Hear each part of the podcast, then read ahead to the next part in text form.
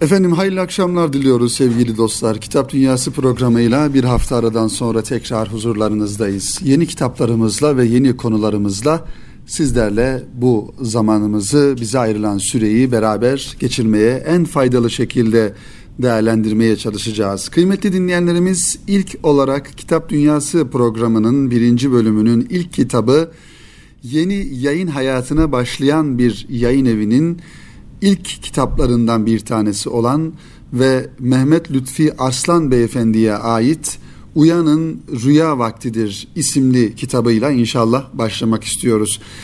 Yeni yayın dünyasına katılan dedik çünkü bu yayın evi yakın bir zamanda birkaç genç arkadaşımızın teşebbüsüyle, girişimiyle ortaya çıktı ve yayın evi kuruldu. Kendi markalarıyla kitapları üretmeye başladılar. Bu yayın evinin adı Aşina Kitap ismi olarak yayın dünyasına kazandırılmış oldu. Mehmet Lütfi Arslan Bey'in bazı kitapları da malumunuz olduğu üzere Erkam yayınlarından Genç Dergisi kitaplığından çıkıyor ve çıkmaya da devam ediyor. Bu kitapta yakın zamanda kaleme alınmış ve farklı bakış açıları ortaya koyan bir kitap. Bakalım Lütfi Arslan Bey Uyanın Rüya Vaktidir isimli kitabıyla bizlere neler söylüyor? Artık yeter kalkma zamanı. Kalkıp da rüya görme zamanı. Unuttuğumuz rüyamıza dönme zamanı. Rüyamızla yaşama, rüyamızla yaşatma zamanı. Bizim rüyamız uyanıkken görülen bir rüyadır. Diridir, diriltir, tazedir ve tazeler. Daha önce ikisi Müstehar isimle yazılmış toplam beş kitabın yazarı Mehmet Lütfi Arslan, yeni kurulan az önce ifade ettiğimiz üzere aşina kitaptan çıkan Uyanın Rüya Vaktidir ile okurlarının karşısına geçiyor ve okurlarıyla tekrar buluşuyor. Şık bir kapak tasarımı ve kaliteli baskısı ile görücüye çıkan bu kitap aşina kitabın yayın dünyasına iyi ve kaliteli bir soluk getireceğinin de aynı zamanda göstergesi oluyor. Uyanın rüya vaktidir bizlere düşlerimizle yaşamayı öğütlüyor aslında. Bugüne kadar kimseye yar olmamış bu dünyada ancak ve ancak rüyası olanların, rüyasının peşinde koşanların kazananlar olduğunu anlatıyor. Kitapta rüyası olmak kavramı kendine, insanlara, dinine ve vatanına hizmet edebilmenin ilk şartı olarak çıkıyor karşımıza. Yazar bir ilk adım olarak insanın bir kızıl elmaya sahip olması, peşinden gideceği ve peşinden insanları götüreceği bir derdi yüklenmesi gerektiğini bize öğütlüyor. Ancak öncelikle insanın bu yolda kendisine çeki düzen vermesi, kendi niyetinden ve gayretinden emin olması gerektiğinin de altını çiziyor. Birbirinden bağımsız başlıklardan oluşuyormuş gibi görünse de son tahlilde kapı hep aynı yöne aralanıyor bu kitapta. Üslubu ile okuyucusuna heyecan ve coşku veren yazar bu heyecan ve coşkunun altının doldurulması gerektiğini de her bir satırda okuyucusuna hatırlatmaktan geri durmuyor. İşte bu yüzden Uyanın Rüya Vaktidir Mehmet Lütfi Arslan'ın satırlarıyla daha önce tanışmamış olanlar için çok güzel ve özel bir okuma olarak raflarda kitap severleri bekliyor. Sevgili dostlar, zaman zaman klasik eserleri okumakla beraber zihin dünyamızı, fikir dünyamızı zenginleştirecek, bize ufuk verecek, bizi bir yönüyle yetiştirecek, düşünce dünyamızı geliştirecek olan kitapları da şüphesiz ki ihmal etmemek gerekiyor. İşte Lütfi Arslan Bey'in kaleme almış olduğu bu kitapta bu eserlerden bir tanesi. Yine Aşina Kitap dedik oradan devam edelim kıymetli dinleyenlerimiz. Geçtiğimiz hafta Okur dergisinin üçüncü sayısı yayınlandı ve gerçekten bu derginin her bir sayfası kendine has güzelliğiyle yeni kitaplarla karşımıza çıkıyor ve gerçekten de doyurucu e, tanıtımlarla, kitap kritikleriyle e, yayın dünyasında farklı bir yer edineceğini bizlere göstermiş oluyor. Okur dergisinin şöyle sayfalarına bir bakalım arzu ederseniz nelerden bahsediyor? Kapak konusu nedir? Bize ne bahsediyor? Bu kitabı tanıttıktan sonra Lütfi Arslan Bey'in Uyanın Rüya Vaktidir isimli kitabını sizlere aktardıktan, tanıttıktan sonra bir kitap faaliyeti olması açısından önemsediğimiz ve bir kültür faaliyeti olarak da değer verdiğimiz Okur dergisinin üçüncü sayısına bakalım kardeşlerimiz nasıl sunmuşlar size anlatmaya çalışalım. Sevgili dostlar Okur dergisinin kapak manşeti editörden sor kitabı. Malumunuz kitap hazırlama, kitap yayınlama böyle dışarıdan görüldüğü kadar aslında çok basit olmayan birçok süreci ve yönü olan zor bir süreç. Yayın evlerinde çalışan insanlar bunu bileceklerdir. Kitabın yazarın zihin dünyasından okurun eline iki kapak arasında bir kitap şeklinde ulaşıncaya kadar o geçen süreç içerisinde gerçekten aynen nasıl ki evlerimizde yediğimiz ekmeğin bir serüveni var.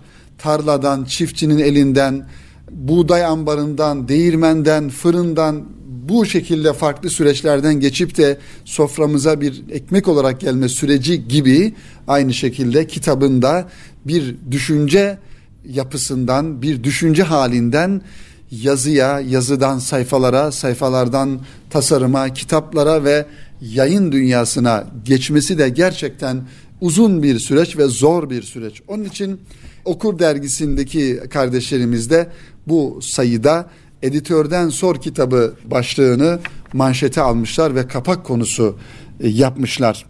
İşte bu manada baktığımızda ilk sayfalarda hemen e, yayın evleri editörlerinden kitapları sormuşlar. Kitapların nasıl çıkarıldığını ve ilk beş kitabı tavsiye ederseniz diye e, ilk beş kitabı da sormuşlar. Her yayın evinden bu soruyu her yayın evi editörüne bu soruyu sormuşlar ve bir bakalım hangi yayın evleri hangi kitapları tavsiye etmiş. Bu da ayrı bir zenginlik tabii ki. Bakalım mesela bunlardan ilki Doğan Kitap'tan Doğan Kitap'tan Handan Akdemir'e sorulmuş. Ve Handan Akdemir Doğan Kitap'tan şunları tavsiye etmiş. Haruki Murakami'nin Doğan Kitap'tan çıkan 1984 isimli kitabı. Gerçekten bu kitabı şiddetle ben de tavsiye ediyorum kıymetli dinleyenlerimiz. 1984 kitabı klasik bir eserdir. Ve Kuşlar Yasına Gider Hasan Ali Toptaş'ın Everest yayınlarından çıkan kitabını tavsiye etmiş. Ve Öyle Öyle miymiş isimli kitapta Şule Gürbüz'e ait iletişim yayınlarından.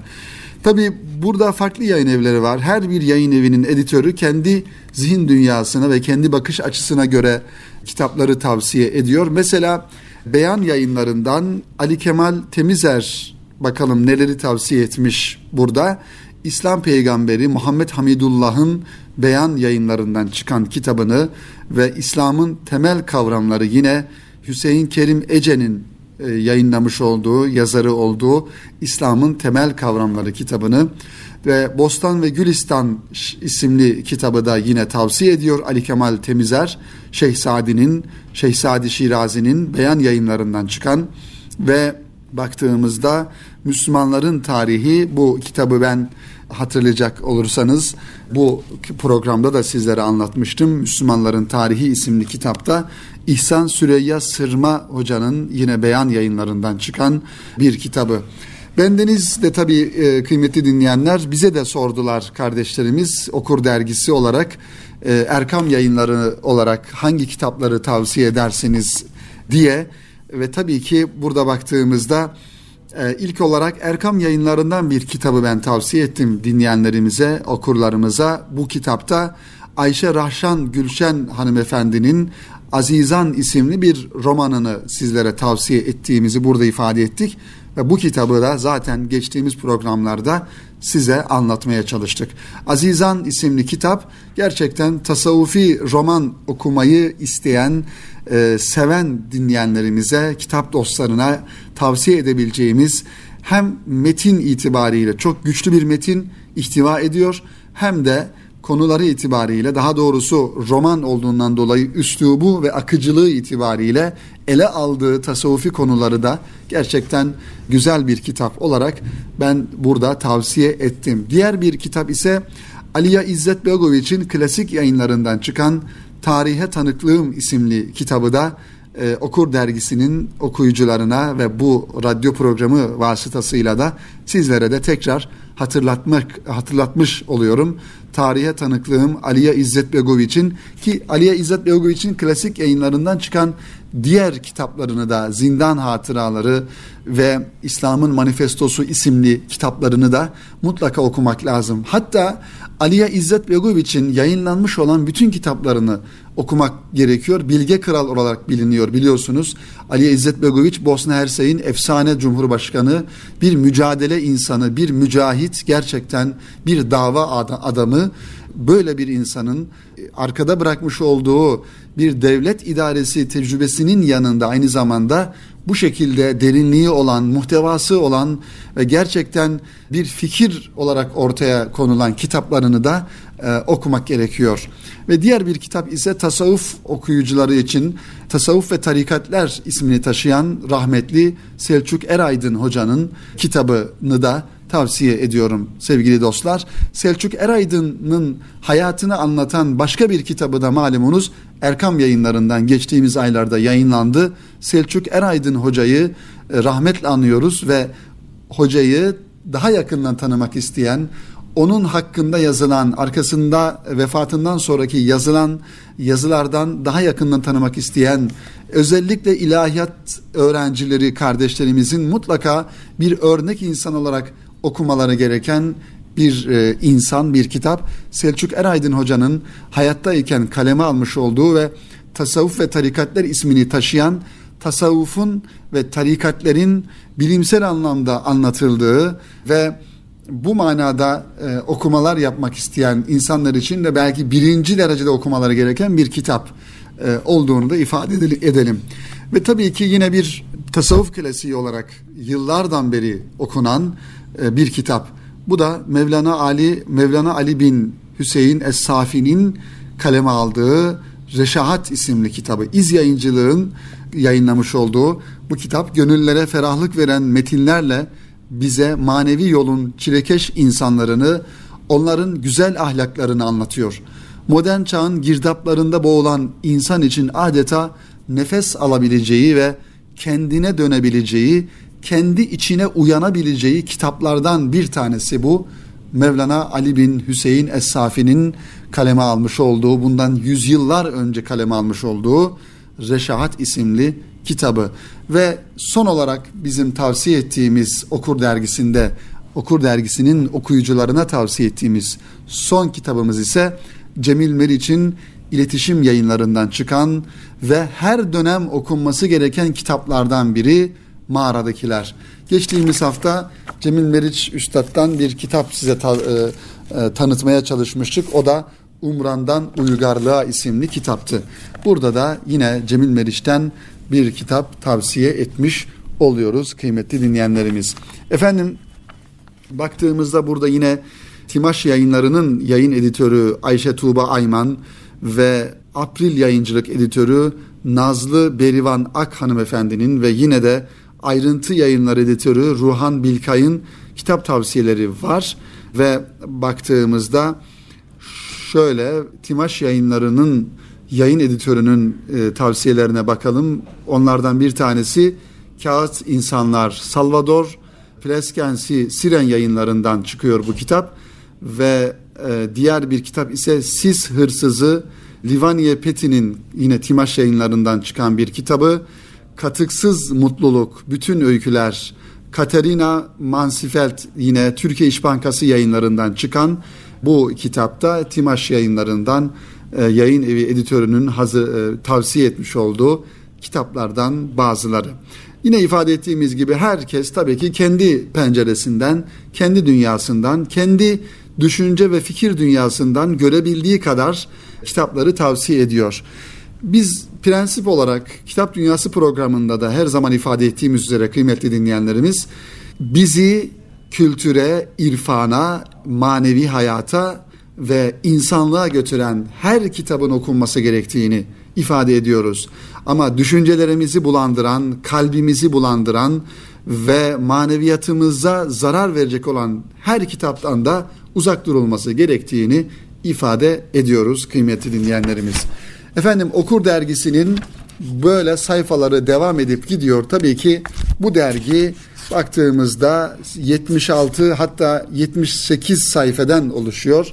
Her sayfasında ayrı bir kitap tanıtımı, ayrı bir kitap kritiği değerlendirmesi var. Biz de bu ki bu dergiden zaman zaman zaman zaman istifade ediyoruz Kitap Dünyası programında ve bu vesileyle tekrar dergiyi hazırlayan kardeşlerimize emeklerinden dolayı teşekkürlerimizi bildiriyoruz.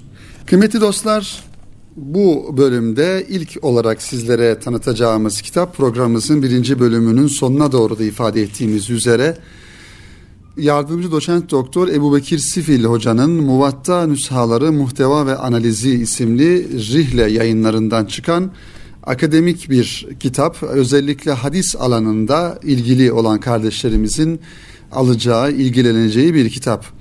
Ve bu muvatta analizini e, Ebu Bekir Sifil Hoca doçentlik tezi vesilesiyle literatüre kazandıran bir isim. Hadis ilmiyle iştigal eden ilim erbabının eserle alakalı başvurabilecekleri sağlam bir kaynak mahiyetinde. Kıymetli dinleyenlerimiz bu kitabın şöyle bir muhtevasına bakalım nelerden bahsetmiş Ebu Bekir Sifil Hoca. Muvatta Nüshaları Muhteva Analizi isimli bu eserinde tasnif edildiği günden itibaren büyük bir alakaya mazhar olan İmam Malik'in muvatta'nın erişebildiği bütün materyalleri kullanarak farklılık ve ortak noktalarına dair mufassal bir çalışmayı ilim alemine arz etmiş oluyor Ebu Bekir Sifil Hoca. Eserin birinci bölümünde Muvatta'nın kaleme alınış hikayesiyle beraber telif tarihiyle alakalı farklı görüşler tahlil ediliyor.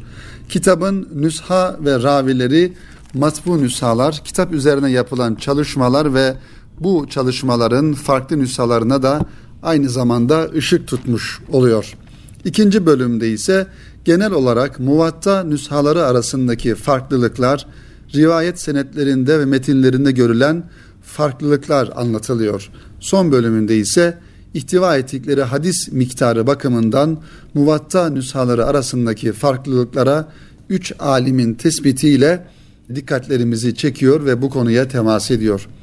Kaleme alındığı tarihten itibaren her esere nasip olmayan bir ilgi ve teveccühle karşılanmış bulunan muvatta yani hadis alanında özellikle vefatına kadar İmam Malik'ten çok sayıda insan tarafından okunup çoğaltılmış ve bunun neticesinde ortaya bol miktarda muvatta nüshası yani versiyonu çıkmıştır.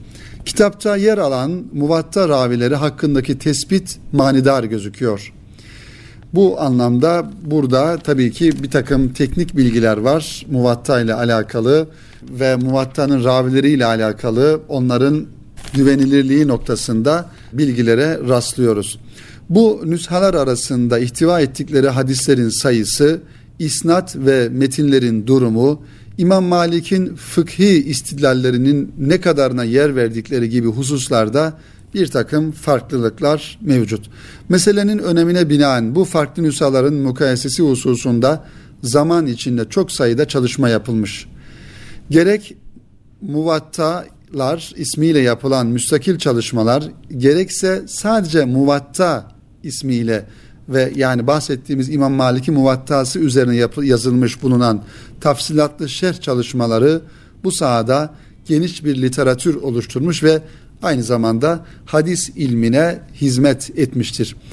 Ebu Bekir Sifil Hoca bu çalışmasında ihtiva ettikleri hadis miktarları ve bu hadislerin senet ve metinlerindeki ihtilaflar noktasında ulaşabildiği bütün kaynakları kullanarak el muvatta nüshaları arasındaki farklılıklar üzerinde önemli durmuştur diyoruz ve bu kitabı da ilahiyat alanında çalışma yapan kardeşlerimizin okumalarını ve hadis ilmiyle ilgilenen insanların mutlaka bu kitaplara teveccüh göstermelerini de ayrıca ifade etmek gerekiyor kıymetli dinleyenlerimiz.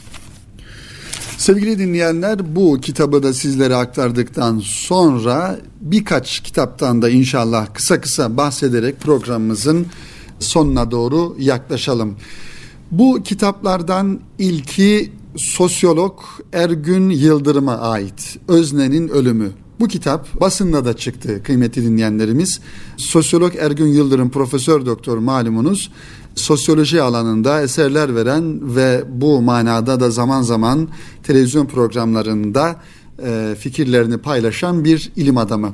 Çağdaş İslam düşüncesi ve Türkiye siyaseti üzerine çalışmaları ile tanınan Profesör Doktor Ergün Yıldırım, Öznenin Ölümü bir Hareketin Anatomisi adlı kitabı Timaş Yayınlar etiketiyle okuyucusuyla buluştu.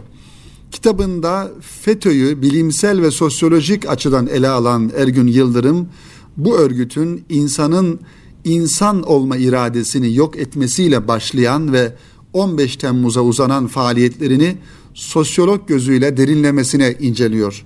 Türkiye'de 15 Temmuz sonrasında cemaat ve siyaset düzleminde pek çok tartışmanın yapıldığını fakat meseleyi tam anlamamız için kimi zaman fail, kimi zaman da mağdur durumda olan özneyi gözden kaçırdığımızı vurgulayan Ergün Yıldırım, öznenin olaylarla, düşünceyle, zihniyetle kurduğu ilişkinin niteliğini irdeliyor. Yıldırım, Gülen hareketi daha önce bu açıdan incelenseydi, o büyük akıl tutulması belki çok daha önceden öngörülebilirdi, diyor. Himmet toplantılarının, dershane ve okulların aslında bir sosyal iktidar alanı oluşturmak için, örmek için kullanılan ağlar olduğunu, bu ağda tutunabilmek için kişiye kendi aklını ve dahası, benliğini öldürmekten başka bir çare bırakılmadığını, tüm hoşgörü söylemlerine rağmen öznenin tekilliğine küçücük dahi olsa bir alan açılmadığını, gerçekte tüm cemaatlerin, hayır kurumlarının ana amacı olan hizmet kavramının bile bir gruba münhasır kılınmasındaki bencilliği görebilseydik, ne ile karşı karşıya olduğumuzu çok daha önce anlayabilirdik tespitinde bulunuyor haklı olarak. Öznenin ölümü bir manada bir insan harcama makinası olarak tedavüle sokulan ve maalesef Türkiye'nin, insanımızın, toplumumuzun yıllarının içerisinde büyük insan sermayesinin heder olduğu bir noktaya gelişini de bu kitabın ana temasından e, anlıyoruz. Ergün Yıldırım imzasıyla Öznenin Ölümü Bir Hareketin Anatomisi isimli kitap bu konulara temas ediyor. Timaş yayınlarından çıkan. Efendim ikinci kitabımız yine bu konuyla alakalı yani 15 Temmuz darbesi ile darbe girişimi ile alakalı. Bu da gazeteci yazar Nil Gülsüm'ün Net Duruş 15 Temmuz röportajları adlı kitabı profil yayınları arasından raflardaki yerini alıyor. Cumhurbaşkanı Recep Tayyip Erdoğan ile Başbakan Binali Yıldırım arasında geçen telefon görüşmesinin detaylarının yer aldığı kitapta yazar yaptığı röportajları okurla buluşturuyor. Yazar Türkiye Büyük Millet Meclisi Başkanı İsmail Karaman, Başbakan Binali Yıldırım, Enerji ve Tabi Kaynaklar Bakanı Berat Albayrak, Adalet Bakanı Abdülhamit Gül, Memur Sen Genel Başkanı Ali Yalçın, TRT Genel Müdürü İbrahim Eren, Sinan Akçıl ve MHP Genel Başkan Yardımcısı Edip Semih Yalçın gibi isimlerle ki isim listesi uzayıp gidiyor. 15 Temmuz darbe girişimiyle alakalı yaptığı röportajları bu kitapta almış ve kitabın ismi de Net Duruş 15 Temmuz röportajları ismini taşıyor. Profil yayıncılıktan çıkan bu kitap. Diğer bir kitabımız ise kıymetli dostlar Balkan mağlubiyetinin bilinmeyen nedenleri üst başlığıyla Balkan Harbi'ni niçin kaybettik ismini taşıyor. Mecit Yıldız ve Hamdi Akyol tarafından yayına hazırlanan ve Tüccarzade İbrahim Hilmi tarafından yazılan Balkan Harbi'ni Niçin Kaybettik adlı kitapta iz yayıncılık etiketiyle okurlarla buluştu. 1912 yılında Osmanlı Devleti ile Balkan devletleri arasında yaşanan savaş, ülkenin Rumeli'deki topraklarını kaybetmesi ve beraberinde milyonlarca Müslümanın Anadolu coğrafyasına göç etmesi sonucunu doğurmuş. Balkan Harbi'nin 100. yılında neşre hazırlanan bu kitap mağlubiyetin sebeplerini net bir şekilde ortaya koymaktadır. Sadeleştirilmiş metnin yanı sıra eserin Osmanlıca aslı da hem bir belge olması hem de Osmanlıca okumak isteyenler veya okumasını geliştirmek isteyenler için kitabın son sayfalarına eklenmiş Tüccarzade İbrahim Hilmi'nin Balkan Harbi'ni niçin kaybettik? İz yayıncılıktan çıkan bir kitap ilgili olanlara, tarihe meraklı olanlara tavsiye edilebilecek bir kitap.